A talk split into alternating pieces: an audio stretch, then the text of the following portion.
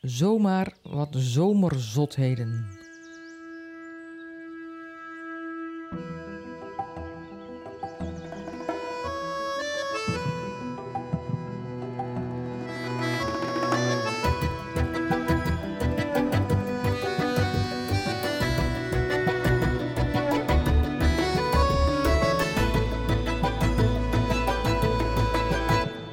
ondertussen in verwondering. Deze route ken ik vooral als de snelste verbinding tussen huis en de boshut. De gebaande weg dus. Hier rijd ik vaak tamelijk geconcentreerd en een tikje gespannen. Maar vandaag ben ik roodkapje. Ik verlaat de bekende weg en ik duik het naastgelegen veld in. Buiten spelen. Ik heb wel een afspraak, maar ik ben ruim op tijd vertrokken. Was ik over de hoofdweg blijven lopen, dan had ik over twintig minuten op mijn bestemming kunnen zijn. Nu heb ik zeeën van tijd, dus niets staat me in de weg om te dralen. En verdwalen kan toch nauwelijks in dit aangeharkte land, dacht ik. Niets blijkt minder waar. Sprookjes zijn er niet voor niks. Roodkapje verdwaalt als ze van de rechte weg afwijkt. Figuurlijk had ik dat al lang door. Maar dat deze mare zich nu ook letterlijk aan me voltrekt, doet me verrassend veel plezier. Noem het synchroniciteit. Ik beland voor hekken met voltage, doodlopende weggetjes en talloze sloten. Mijn telefoon heeft geen bereik, geen navigatie kan me helpen. De tijd lekt weg. Ik zal veel te laat op de afspraak komen. Als ik al ergens kom. Ik blijk in kringen te lopen, want ik zie steeds dezelfde koe.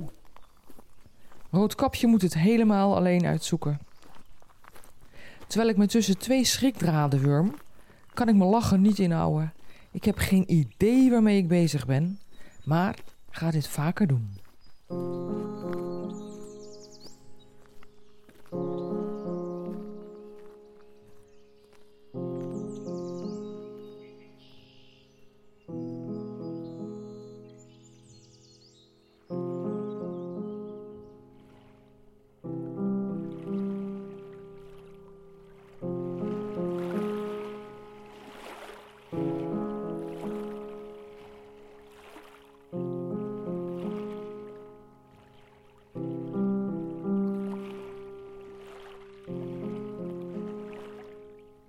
Het uitzicht is schitterend.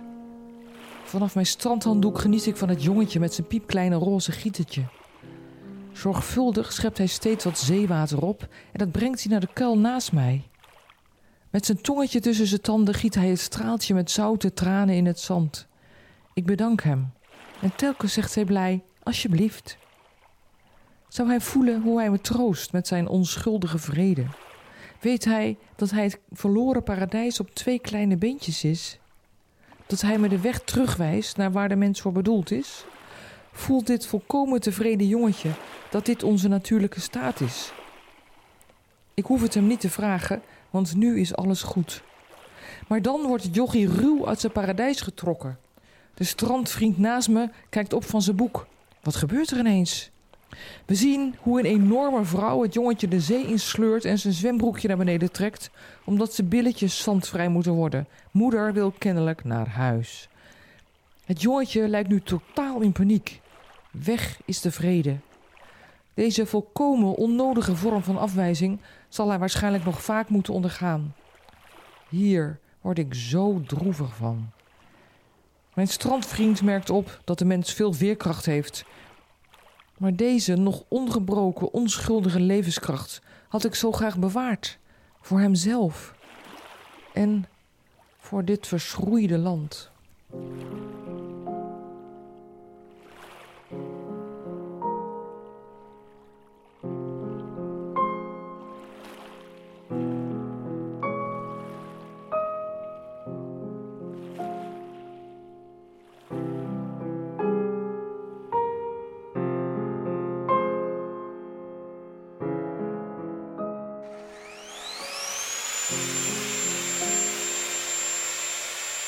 Bestemming bereikt.